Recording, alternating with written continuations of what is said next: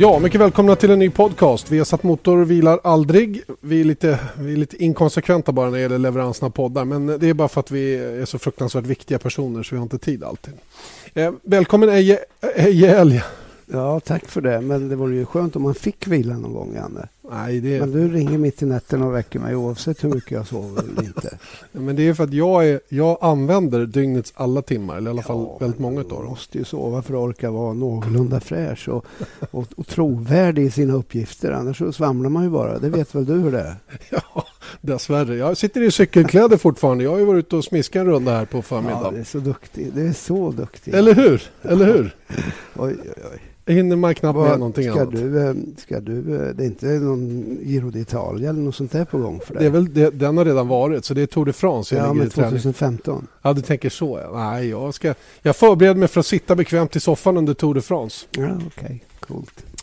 Så är det. Nu ska inte vår podd handla om just det kanske utan eh, lite mer viktigt. Hur är det själv förresten? Vi kanske ska avsluta. Jo, det är jättebra. Jag, eh, jag är i stor form. Jag, ärlighetens namn vet jag inte om jag varit starkare någon gång under hela mitt liv.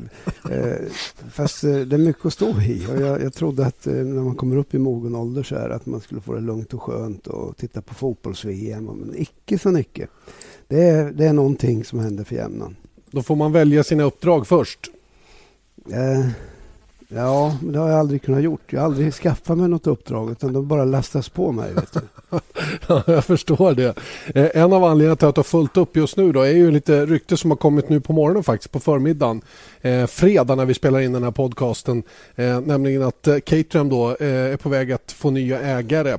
Eh, det har ju varit känt ganska länge att Tony Fernandes inte har varit nöjd med situationen i Formel 1 rent generellt. Eh, han gick in i Formel 1 som han själv säger då med tron att det skulle bli ett budgettak på 40 miljoner dollar per säsong. Det har det ju inte varit i närheten av. Ehm, och eh, sen har ju dessutom teamet underpresterat då, eftersom man inte har fått de relevanta medlen för att eh, vara med på rätt nivå helt enkelt och kanske inte heller haft rätt personal. Och det här har ju liksom eskalerat då till den här säsongen och nu när årets bil inte heller blev tillräckligt bra, ja då då stängde han kranen kan man väl nästan säga och eh, det har ju varit känt ett tag nu då att man har eh, rätt stora ekonomiska problem i Caterham. Då. Eh, situationen just nu då, du, du jobbar ju så pass nära Marcus och, och eh, situationen runt omkring honom som förare så att lite mer än vanliga människor vet ju du om det som händer. Ja, det kanske jag gör. Och eh, till att börja med så vet jag inte om jag tycker det har hänt så speciellt mycket nu på morgonen. Eh, utan det här, som, eh, det här har varit ett känt faktum ganska länge. Eh, sen vill jag nog kanske påpeka då att det är alltid lätt att komma med ursäkter i efterhand och det, mm, än det ena än det andra. Det har aldrig funnits något budgettak. Det har diskuterats fram och tillbaks. Så att, att komma med den ursäkten nu, det känns, tycker jag, väldigt, väldigt långsökt. Eh, snarare skulle jag väl vilja säga att eh, han kanske har tagit sig vatten över huvudet och eh, är det någon som inte har levererat så är det väl kanske han. Eh, de har haft jätteproblem med budget eller med, eh, med eh, ekonomin under hela det här året i, i Caterham. Och Eh, Eh, teamet har väl i praktiken varit till försäljning under en ganska lång period. Sen hur nära det är nu, även om ryktet har tagit fart och, och eh, det börjar diskuteras väldigt flitigt de senaste dagarna här så eh, finns det absolut ingenting, mig vetligen, som är, är klart med det. Men eh, med tanke på den nuvarande situationen så tror jag att eh, det bästa som kunde hända var att det kom in nya ägare. För att eh, om, om, eh, om, det, om det stannar kvar på den position som det är nu, ja då, då tillförs ju inga pengar. Och det är det som fattas. Eh, så, jag menar, det, det är klart att eh, alla förstår att du tillgodoser delvis eh, Marcus Erikssons eh, liksom, eh, rätt i hela den här frågan. Då. Vad, vad, betyder det här för Marcus då, om det skulle komma in nya ägare i teamet? Förändrar det någonting överhuvudtaget? I praktiken ingenting.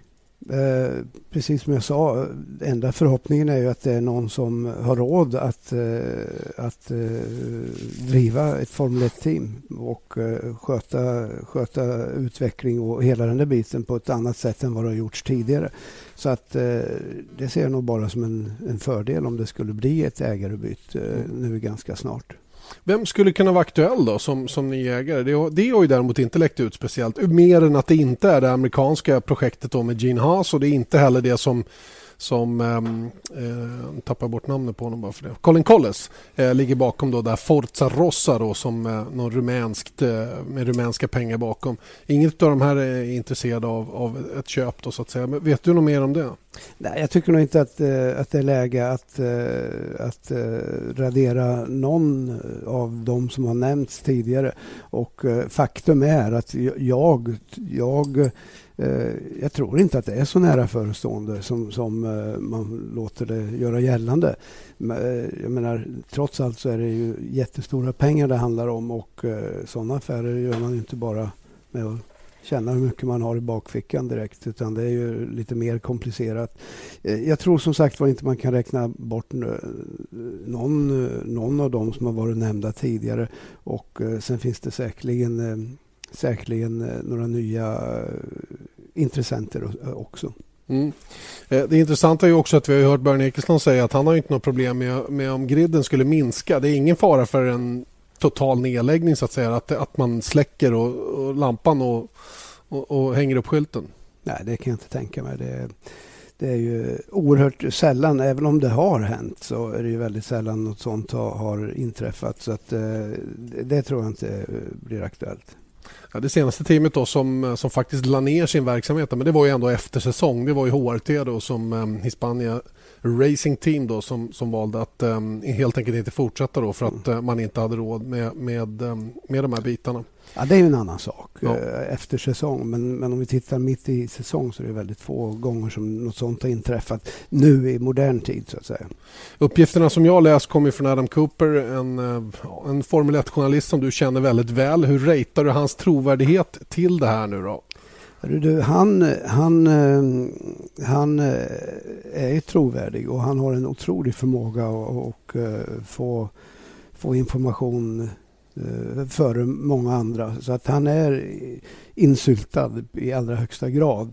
Eh, och ofta så, så, ofta så ligger han före de, de flesta andra. Sen naturligtvis, eh, vissa gånger så blir det lite fel. Hur rätt han har i, i sina påståenden nu, ja, det återstår att se. Men som sagt var, jag tror inte att det är någon lätt manöver att bara byta ägarskap och, och att över natten ska bli jättestora förändringar. Det kommer det inte bli. Nej, det intressanta är att en ny ägare, vad köper en ny ägare egentligen då? Ja, den köper en, en Formel 1-fabrik naturligtvis. Den köper 350 anställda, den köper två riktigt värdelösa bilar och den köper en massa skulder. Eh, känns det som idag. Och det där är ju naturligtvis en ja, komplicerad plus, fråga att reda ut. Det, det, viktigaste av allt, han köper eh, ansvaret att eh, finansiera teamet eh, resten av året. Det kanske är det, den stora grejen. Och i alltihopa det här då som jag räknade upp plus det ansvaret, är det värt plattformen att vara i Formel 1 tror du? Beroende på vad prislappen blir? det, det är en, det, en sån fråga går inte att besvara. Eh, är det värt för Red Bull, tror du, att eh, lägga eh, alla de miljarder som de gör på Formel 1? Eh, det är klart det är, annars skulle de inte göra det.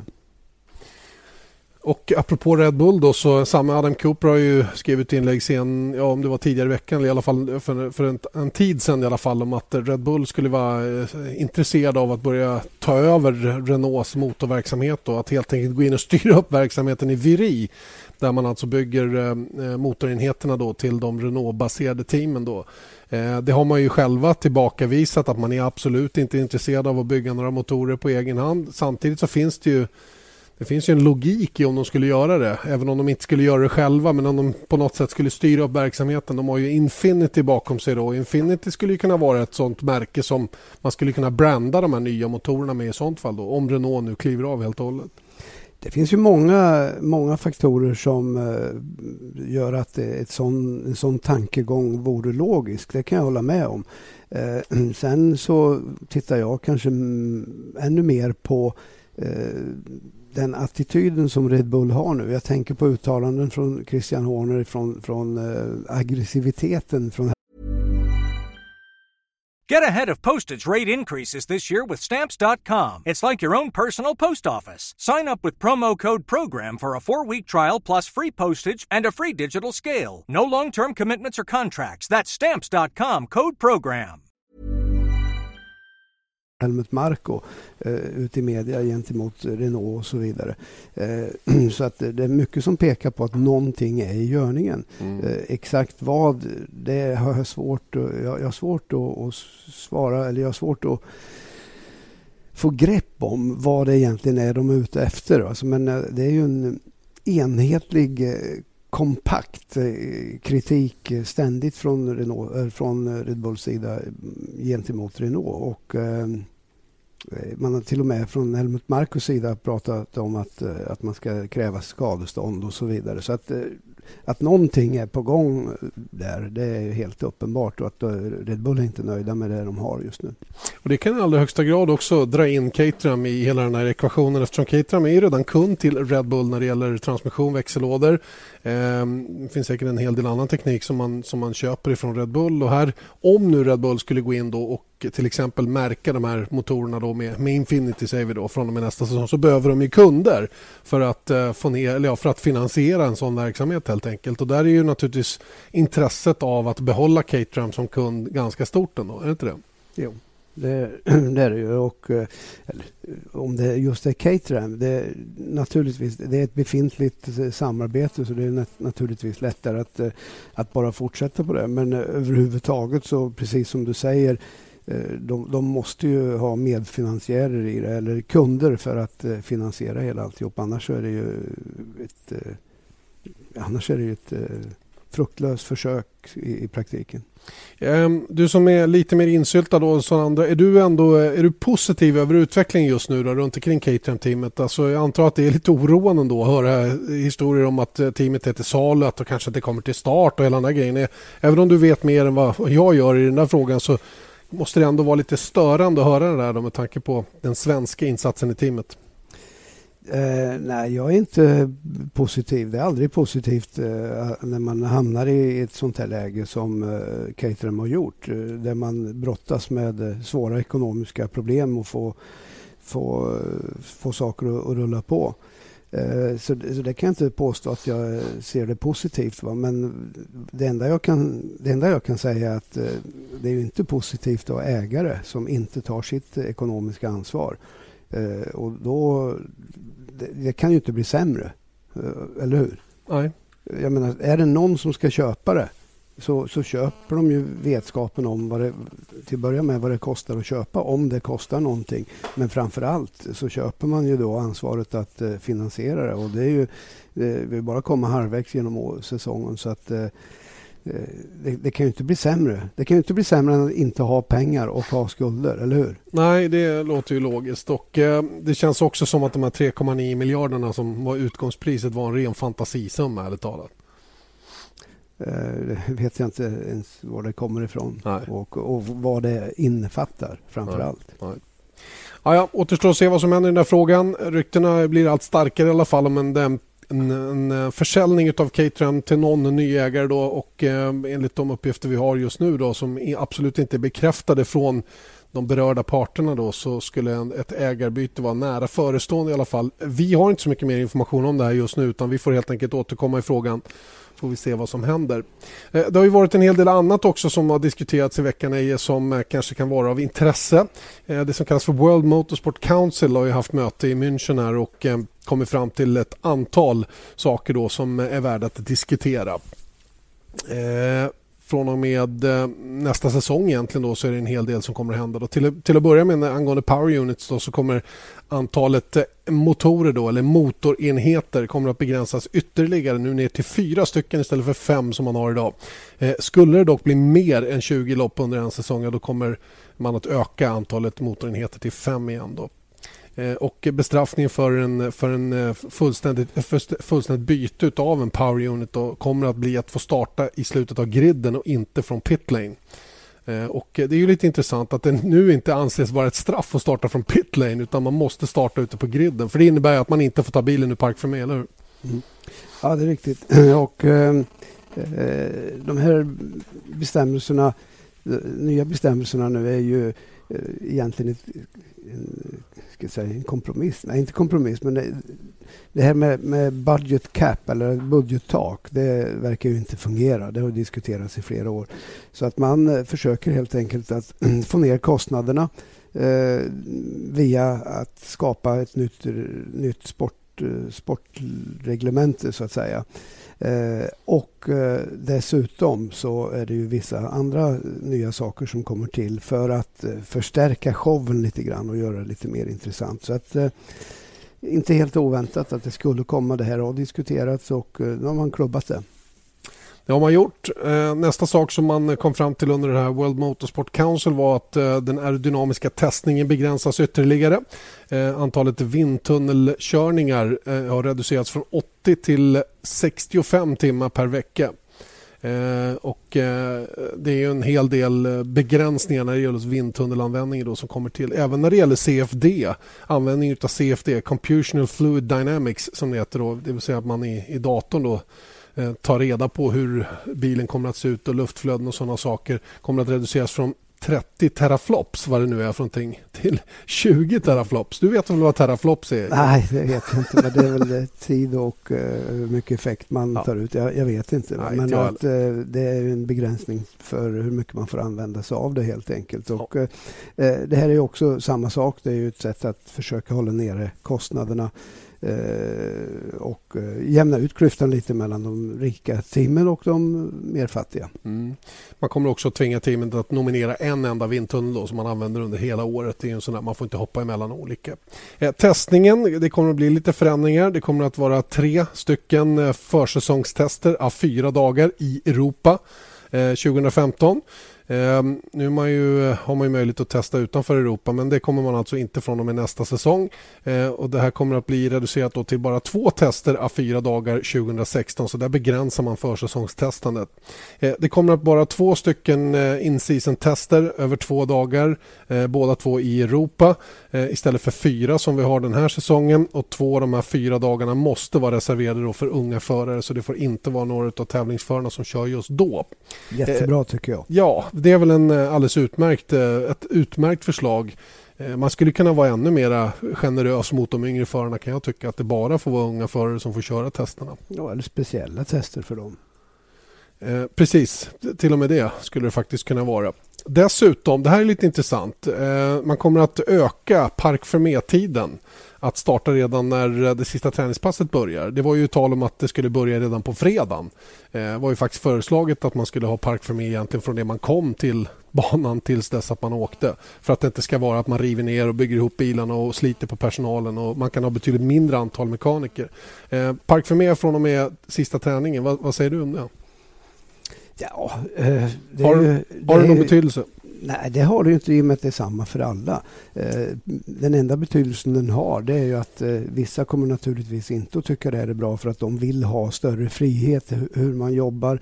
Eh, ta till exempel vindtunnlar och allt det där. Så att naturligtvis kommer det här att, mötas av kritik från vissa håll. Men man får inte ändå glömma, man kan ju inte glömma bort vad det, vad det syftar till. Och det syftar ju helt enkelt till att behöva eller att, att, minska de resurser som krävs för att hålla igång allting och eh, därmed utjämna och försöka få ner kostnaderna. Så att eh, det är, eh, jag menar man försökte ju vara ännu mer göra det ännu tyngre, precis som du sa tidigare, att korta ner racehelgen eh, spara en dag eh, på hotell och, och, resor och hela den där biten med att inte börja förrän på, på fredag eftermiddag. Eh, men det gick inte teamen med på så att någonstans så... Jag menar, man måste ju komma överens om någonting och det är inte, det är inte världens lättaste sak i F1. Och har man kommit överens om det här, ja då, då, då är det fine. Alltså. Sen måste vi ju vänta och se vad det får för resultat i praktiken innan vi kan göra en bedömning av det. Mm. Eh, sen har vi också förbudet mot eh, däckvärmare som skulle införas till nästa säsong. Det kommer man inte att införa utan det kommer att eh, tas upp till ny diskussion när man har bestämt sig för hur stora hjul och eh, däcksdiameter man kommer att ha i framtiden. Eh, så att eh, det, det, kommer alltså inte att införas som det ser ut just nu. Då. Och det, eh, jag måste säga att det vet inte jag varför man höll på att pilla i överhuvudtaget. Men de där filtarna kanske kostar Nej. några kronor men så ja, dyra kan det, de det där, Jag tror att eh, jag tror inte varken du eller jag eh, har tillräckligt med, med kunskap för att göra en bedömning där. Uh... Say hello to a new era of mental health care. Cerebral is here to help you achieve your mental wellness goals with professional therapy and medication management support. 100% online. You'll experience the all new Cerebral Way, an innovative approach to mental wellness designed around you. You'll get a personalized treatment plan from a therapist, prescriber, or both in a safe and judgment free space. Your cerebral therapist or prescriber will outline a customized plan with clear milestones along the way so you can get to feeling your best. With Cerebral, you're not alone in your mental health journey. We're here to empower you to live a fulfilling life. So take that first step towards a brighter future and sign up today at cerebral.com slash podcast and use code ACasts to get 15% off your first month. Offer only valid on monthly plans. Other exclusions may apply. Offer ends July 31st, 2024. See site for details. Det har fungerat förr utan däcksvärmare. Men där man är idag eh, utvecklingsmässigt med bilar i kombination med de däck som, som krävs eller som används. Ja, då är ju allting anpassat efter efter eh, användningen av däcksvärmare och att då bara ta bort dem, det, det funkar inte utan då måste man se över hela Eh, hela reglementet på ett annat sätt. Så ja. att, eh, eh, det, det, var lite för drastiskt, att, det var lite för blåögt skulle jag vilja säga, mm. att komma med det förslaget. Det man också kommer att göra är att man förlänger då antal timmar då som mekanikerna inte får vara på banan från 6 till 7 timmar under 2015 och det kommer att bli upp till 8 timmar från och med 2016. Det vill säga att man minskar antalet timmar för, för mekanikerna att ha möjlighet att vara på banan. Sen har de ju då ett antal jokrar fortsatt då Eh, det har inte skrivits någonting om det blir några förändringar i antalet jokrar där man alltså får bryta mot det här förbudet att vara på banan. Och här har du kompromissen Janne med, med alltihop. Alltså det, det, återigen så, så är det här saker för att försöka hålla nere kostnaderna. Men eh, man är också väldigt mån om att behålla eh, attraktionsvärdet i Formel 1 och därför så blir det alltid en kompromiss. Och, och samma sak här. Det, det, här. det är säkerligen många som initialt kommer att ha problem att anpassa sig till de nya reglerna men eh, vi måste se vad, vad det får för påverkan. Sen har vi kanske intressantaste införandet då till nästa säsong nämligen att det blir stillastående omstart efter säkerhetsbil. Och, eh, det är en stillastående start som inte kommer att användas då om, om eh, säkerhetsbilar används inom två varv från start eller vid en omstart eh, eller om racet har mindre än fem varv kvar. Då kommer man heller inte att eh, anamma den här nya regeln. Då. Men annars om det till exempel mitt i loppet skulle bli en säkerhetsbilsperiod Tar man ut säkerhetsbilen och när det är dags för säkerhetsbilen att gå in, ja då åker bilarna fram, ställer sig vid sina respektive gridslottar och sen så blir det en stillastående start igen. Vad tycker du om det? Ja, du eh, säger eh, till exempel i mitten av ett lopp, men om det då är sex varv för, för ja, målgång, ja. då kan det bli väldigt, väldigt intressant. Och det här mm. tycker jag är... Eh, jag, jag, är inte speciellt eh, förtjust i den här regeln därför att jag vet att, och det här har vi pratat om i åratal du och jag, att det, det, går nästan aldrig att hitta en perfekt lösning för användandet av Eh, av uh, säkerhetsbil. Man har provat olika varianter men det kommer alltid vara någon som drar nytta av det och någon som, som förlorar på det. I det här fallet så kommer det bli ännu större sådan påverkan och uh, tänk dig själv en bil som har gått i 25 mil Eh, en Formel 1-bil med det slitage som har varit och, och, och på kopplingar bland annat. Eh, det, det, kommer att förändra en hel del och det, det, jag tycker det blir lite väl orättvist. Säg nu att någon leder med, med 20 sekunder eh, och sen ska man göra en omstart och har en bil som är lite halvrisig med bara några varv kvar. Ja, det känns lite, lite väl... att man har gått lite väl långt för att på konstgjord väg då för, eh, liksom, försöka förstärka showen. Vet du vad jag hade kunnat tycka varit fränt? Jag vet inte om man kan ha det, men typ en indiestart, alltså en amerikansk omstart där man linar upp bredvid varandra då, i två led. Skulle det kunna vara ett alternativ? Ja, om, man nu vill, om man nu vill ha en lite coolare omstart så att säga. Jag vet inte riktigt varför man gör det här. Jag antar att man vill ha ett, ett nytt spännande ja, men, moment då in, ja, under varför, varför har man DRS? Ja, jo, jo, men det är klart. Det, det här är ju alltså ett, en, ett konstgjort sätt att förstärka showen på. Eh, och göra mer spännande race och, och spicea upp allting för publiken. Men Janne, säg de tre senaste racen som vi har haft med eh, enligt många då ett reglemente som suger. Det, bilarna är, låter fel, de går för sakta, det är taxikörning, det är allt, allt är fel. Och du, maken till bra race som vi har haft. Kanske att Österrike inte blev riktigt eh, den, eh, den hit som jag trodde det skulle bli. Men om man ser över hela helgen så var det ett väldigt, väldigt lyckat eh, evenemang. Och eh, Kanada ska vi inte prata om. Monaco var ett av de bästa Monaco-race jag sett på länge. Så att, frågan är hur mycket behövs egentligen ja, men jag, du är, Nu kommer du verkligen in på det som är intressant här. För paniken som har spritt sig i Formel 1 tycker jag är, den är nästan den är så överdriven så det blir nästan man undrar var den, var den har kommit ifrån. Alla racen i år har varit klart över par om vi ser till de racen. Så om vi backar Formel 1 15 år, det är en rimlig tid att titta tillbaka på hur det har varit. Så i de loppen som har varit i år, de är klart över par, faktiskt allihopa i det avseendet.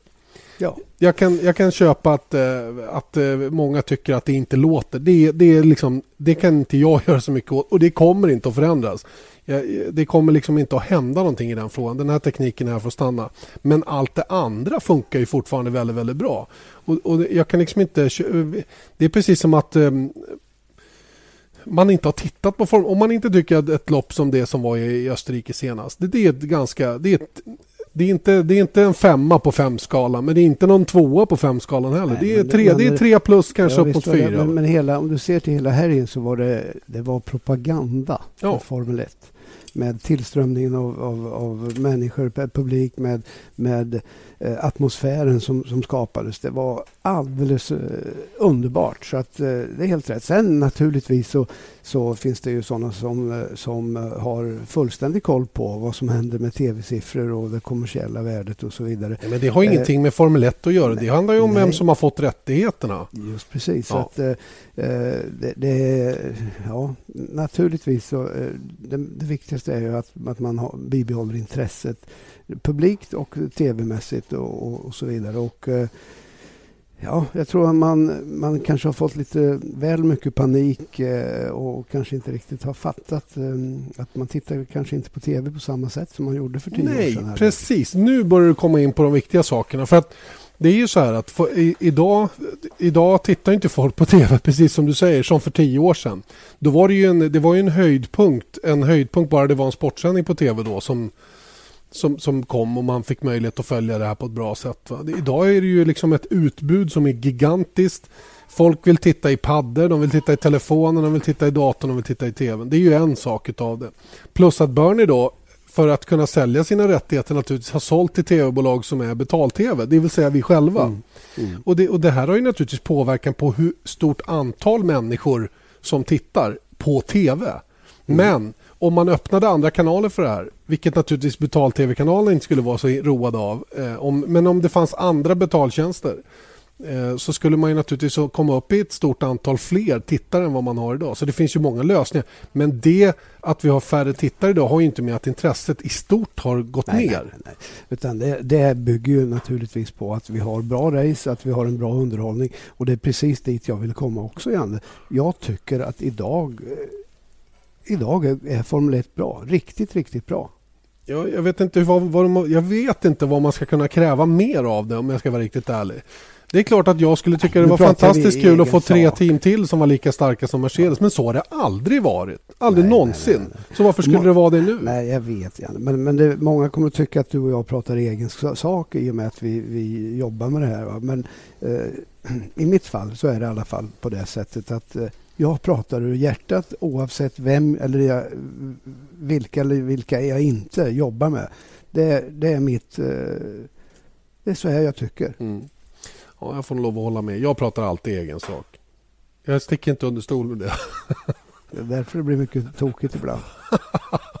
Så är det. Nej, men vad då? Två Mercedes-bilar som fightas med varandra. Om det är en Mercedes och Red Bull som fightas med varandra, skulle det vara någon större skillnad? Så länge de får fightas.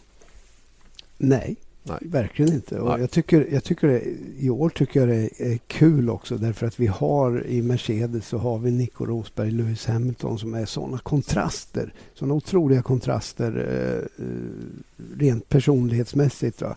Så att eh, det blir kul att se vem som kommer att dra längsta strået där. Eh, när vi ändå håller på eh, och pratar så här i slutet av den här veckan direkt efter Österrike. Vi har inte berört Österrikes Grand Prix egentligen någonting då. Det var ju en, eh, vi kan väl eh, bara sammanfatta lite kort i alla fall här mot slutet innan vi rundar av den här podden då. Så, så ehm, jag, två saker som jag skulle vilja ta med dig. Det, det var ju till att börja med så, så, skrev jag någon gång i min blogg att jag, jag, uppfattade att Mercedes hade gjort någon uppdatering på sin bil när det gäller paketeringen av saker och ting som, som störde dem i Kanada. Bilen gick varm och, och det slutade fungera till slut. Eh, MGUK la av helt och hållet. De hade återigen eh, överhettningsbekymmer. Det är lite av en annan art men fortfarande överhettning eh, i, eh, i Österrike. Och så fort att man får lite, lite problem så är de andra teamen där och hugger direkt. Luckan kanske ser lite bedräglig ut emellanåt. Vad, vad, vad tror du? Jag vet inte, vad, du har ju sagt allt där, höll jag på att säga. Det finns inte så mycket mer att, att tillägga. Eh, inte helt oväntat. Jag menar, de var, var, vi kan konstatera nu när vi tittar i backspegeln att de kom klart mycket bättre förberedda än alla andra in i säsongen till första testerna, genom mm. testerna. Och eh, eh, självklart så var de överlägsna och de är fortfarande de snabbaste. De är fortfarande de som har bästa resurserna och, och, och hela den här biten. Eh, men naturligtvis, de andra står inte stilla. De, försöker hela tiden att komma närmre. Och eh, minsta lilla problem som uppstår, ja då är det betydligt tajtare. Va? Nu tycker jag väl ändå att Mercedes visade på söndagen att, eh, i Österrike att de fortfarande är väldigt, väldigt starka. Men visst bjöds de på bra och härligt motstånd, det tycker jag. Ja, de fick slita. Bottas var inte långt borta. Nej, de fick slita för oss. Sen så, då kommer vi till nästa fråga. Det var en del som i efterhand tyckte att Eh, som tyckte att Williams gav bort den här segern lite väl enkelt. Eh, jag måste ärligt erkänna att jag tyckte det själv också då när jag tittade på loppet. Varför, varför speglade man inte Mercedes? Varför tillät man Mercedes göra undercut på dem? För då var det så uppenbart att Mercedes skulle komma ut framför och då kände jag att då var liksom spelet kört. Jag insåg ju samtidigt när det hände att Williams raceade egentligen aldrig Mercedes. Och eh, i min blogg igår så skrev jag att jag, jag, tyckte att de gjorde rätt. Det är så lätt att haka på ett läge som, som man inte är mäktig så att säga då, och det kostar mer än det smakar.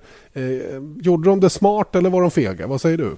Jag tyckte de gjorde allt helt perfekt enligt, eh, enligt läroboken. De, de hade inte kapacitet och de rådde inte på Mercedes. Eh, utan eh, det bästa de kunde göra var att bara lägga upp en egen strategi åka och försöka optimera den så mycket som, som gick. Eh, med, med detta så satte de ändå en, en viss press på Mercedes. Och eh, eh i och för sig, de Mercedes-killarna satte ju press på varandra också. Så att, eh, men, men eh, självklart så Självklart så, så gjorde Williams det också. Så jag, jag, tycker, det, jag tycker det var helt rätt eh, sättet som de genomförde hela den helgen på Williams. Och sen har vi ju det faktum att Hamilton så snabbt var uppe i, bak, i baken på, eh, på eh, nummer två av Williams-bilarna så tidigt i loppet. Det gjorde ju att de, de, när det var på det viset då får de ju naturligtvis svårt att försvara sig. Nu krävdes det två stint för att Hamilton till slut skulle vara tvåa så att säga bakom, bakom Rosberg och försöka sätta press på. Men jag menar, eh, sån är skillnaden de här två teamen emellan i alla fall. Och, och det måste vara en svår uppgift ändå ute på depådisken. Jag vet att jag, jag, nämnde det här för dig innan start och det jag sa det, det, det känns lite knepigt läge då för Williams tyckte jag. För att de ligger ändå 1-2 i starten och det ser briljant ut på alla sätt och vis. Men, men alla vet på något sätt att de kommer inte att kunna köra om segern här och då gäller det liksom att tänk, hålla, tänka till hålla, lite. Det gäller att hålla huvudet kallt helt enkelt och inte stressa iväg. Och det var precis det jag tyckte att, att de gjorde. Så att, äh, jag, jag tycker inte att de gjorde fel någonstans. Um, och sen um, några ord också om Red Bull då som ja, naturligtvis... Här, ja, gärna, bara backa där alltså. Uh, lite grann till den här episoden med, med Hamilton. Eh, Hamiltons race försvann ju, det sa vi redan eh, på, på lördagen där, eller någonstans under helgen i alla fall. Att han sabbade ju hela sin helg tack vare att han eh, gjorde misstag i kvalet. Nu visar det sig att teamet menar på att han eh, att det inte var något fel på bilen. Jag var övertygad om att det var något fel på bilen när han snurrade. Men tydligen var det inte det. Men däremot så hade han bromsat 10 meter senare än vad han hade gjort tidigare. Eller förlåt, sen, ja senare oh. än, än, än, tid, än, tidigare. Just det. Jag hade helt rätt i det jag sa. Mm, mm. Ehm, och, och, det går ju inte det går ju inte. Så i praktiken gjorde han två misstag. Men eh, och, och, eh, att sen genomföra racet som han gjorde var ju ändå väldigt, väldigt starkt. Det måste man säga.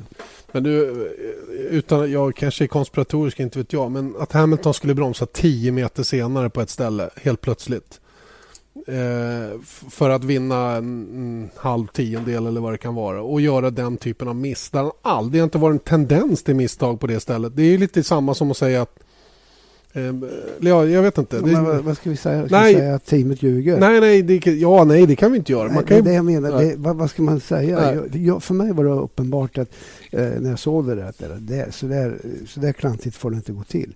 Och samtidigt, om, om, när de drar till med 10 meter, om de nu menar 10 meter, Janne, mm. så är det, jag menar, det är ju det är nästan 20 procent på, på bromssträckan. Jag menar det, så det betyder att han har åkt och fisåkt innan då? Ja, men lite så känner jag också. Så för mig är det helt otroligt om, om han gör ett sånt misstag. För det är inget annat än ett misstag. Bromsat 10 meter. Den som har varit, varit i racing eh, och, och har lite kunskap om det vet att du bromsar inte 10 meter senare efter ett av de absolut snabbaste ställena på banan dessutom. Det funkar inte på det sättet. Så att jag är lite tveksam till det där. Ja, det känns som att um, vi kommer ändå aldrig få reda på det så det spelar ingen roll egentligen. Det blev som det blev i alla fall och det kostade för um, det kostade för, uh, för Lewis Hamilton i alla fall då som uh, tappade ytterligare poäng på, uh, på sin teamkollega. Och vi får väl se då. Han, mm. nu, nu behövs det ju på något sätt att det händer någonting för Hamilton? För, nej, för Rosberg för att eh, Hamilton ska kunna... För så pass stark har ju ändå Rosberg varit i år så att eh, ta igen det där det kommer inte att bli helt enkelt. Nej, det kommer det inte att bli. Alltså, vi har ju dubbla poäng sista tävlingen och, och, så vidare och jag är övertygad om att Hamilton kommer tillbaks. Men samtidigt så måste jag säga att eh, Rosberg imponerar. Han imponerar eh, stort på mig. Han var inte den snabbaste av de två i Österrike. Han var inte de snabbaste av de två i Kanada. Så att eh, Eh, men, men han, han, löser det på ett, eh, på ett eh, oerhört effektivt sätt. Alltså, verkligen, verkligen skärpt och har siktet inställt på att han ska slå Hamilton i år. Och det ska bli mycket, mycket intressant att se hur det här kommer att utvecklas. Verkligen. Och då återstår inte så mycket mer än att än att påminna lite grann om det som händer i våra kanaler den här helgen. Just, just idag så är det ju um, väldigt mycket MotoGP som gäller.